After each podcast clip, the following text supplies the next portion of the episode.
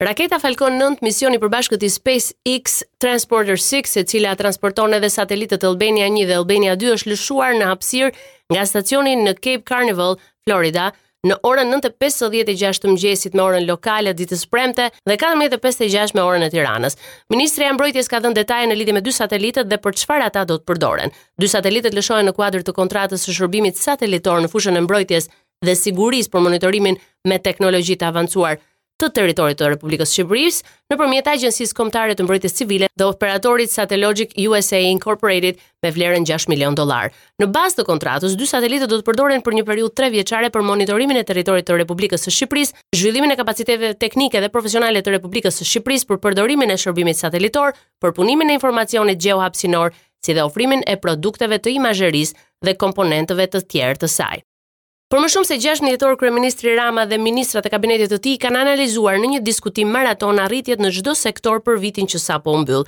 Ata miratuan objektivat konkretë për vitin e ri, teksa falënderoi ministrat për diskutimet dyditorëshe, Rama e parashikon vitin 2023 një tërmet për sa i takon zhvillimit të vendit.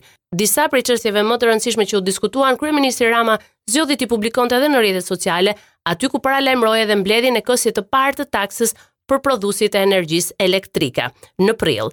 Histori suksesi ai cilësoi fiskalizimin, por edhe deklarimin e pagave dhe investimet e huaja. Bilanc pozitiv shënohet sipas tij në fushën e rendit dhe sigurisë, Në 2022-shin është shënuar numri më i ulët i vrasjeve në tre dekadat e fundit. Gjithashtu Rama u duk i kënaqur edhe nga sektori i bujqësisë. 2022-shi jo vetëm pati një rekord absolut të eksporteve bujqësore sipas tij, por dhe realizim të objektivit ambicioz për gjysmë miliard dollarësh në 78 vende të botës. Por ambicia jonë është të kapim 1 miliard dollar dhe ta bëjmë Shqipërinë në 2030-ën kampione të Ballkanit edhe në eksportet bujqësore.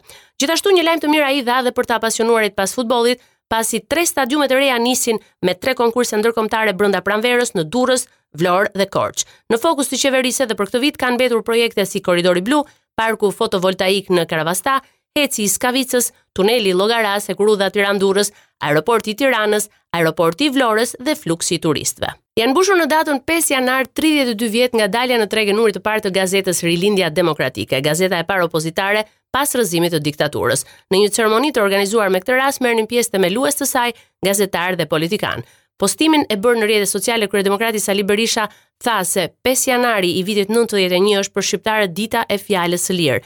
Tre dekada më pas ai flet me shqetësim se ashtu si 32 vite më parë, Gazeta Rilindja Demokratike vjen sipas tij si organi i së vërtetës, duke u përballur me regjimin kriminal të Edi Ramës.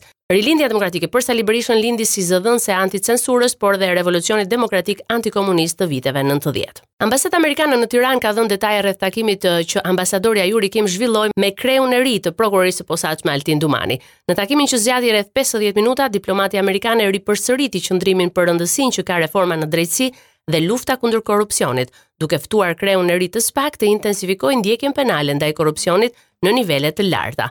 Njoftimi i ambasadës amerikane mbyllet me fjalët: Ne do të mbështesim plotësisht prokurorët dhe hetuesit e SPAK teksa ndërtojnë mbi sukseset e deritanishme dhe intensifikojnë ndjekjen penale të korrupsionit të nivelit të lartë dhe krimit të organizuar në përputhje me ligjin, pa frikë apo favore. Askush nuk është mbi ligjin. Apeli i GJKKO-s lë në burg ish-ministrin Lefter Koka, i cili kishte kërkuar ndryshim të masës së caktuar më herët ndaj tij nga gjykata e posaçme lidhur me dosjen e inceneratorëve. Kjo ishte një nga shumë kërkesat e depozituara nga ish zyrtari i lartë, i cili me argumentin se ka probleme shëndetësore, kërkoi zëvendësim të masës. Për të lënë qelinë më herët, ish ministri ofroi edhe garanci pasurore, por edhe kjo kërkesë u hodh poshtë nga togat e zeza të gjykatës. Ndaj Lefter Kokës rëndojnë dy masa sigurie arrest me burg për dy incineratorët atë të Elbasanit dhe të Fierit. Për këto, nën akuzë është vënë edhe ish deputeti socialist Alqi Bllako. Shqipëria ende nuk ka sinjale për praninë e mutacioneve të reja të COVID-19 të cilat kanë rënduar situatën në Kinë. Skënder Brataj, drejtori i urgjencës kombëtare dhe ekspert i Komitetit Teknik, tregon se aktualisht jemi në një periudhë të qetë me infektime të pakta nga koronavirus. Fatmirësisht nuk ka shtim të numrit të themi në këtë moment. Fatmirësisht imunizimi natyral dhe numri i lartë i vaksinave që u bënë që në fillim që ishin armët më të mira u përdorën, nuk ka një gjë të tillë dhe sigurisht në qoftë se do të ketë ne dimë shumë mirë që sekuencimin ne e dërgojmë gjithmonë në Gjermani ose në shtete të tjera. Ky variant i mbijeton si mund të thuash më shumë se në variantet e deritanishme, qoftë mbrojtjes natyrale nëpërmjet atyre kalimit të sëmundjes ose vaksinave që janë bërë. Dhe sidomos është parë që janë më rezistent karshi edhe terapisë me antitrupa monoklonalë që është terapia e fundit kundër Covid nëntëmbëdhjetës. Prandaj është shqetësues që i shmanget si mund të thuash mbrojtjes tonë, por jo se është më agresiv nga të tjerët.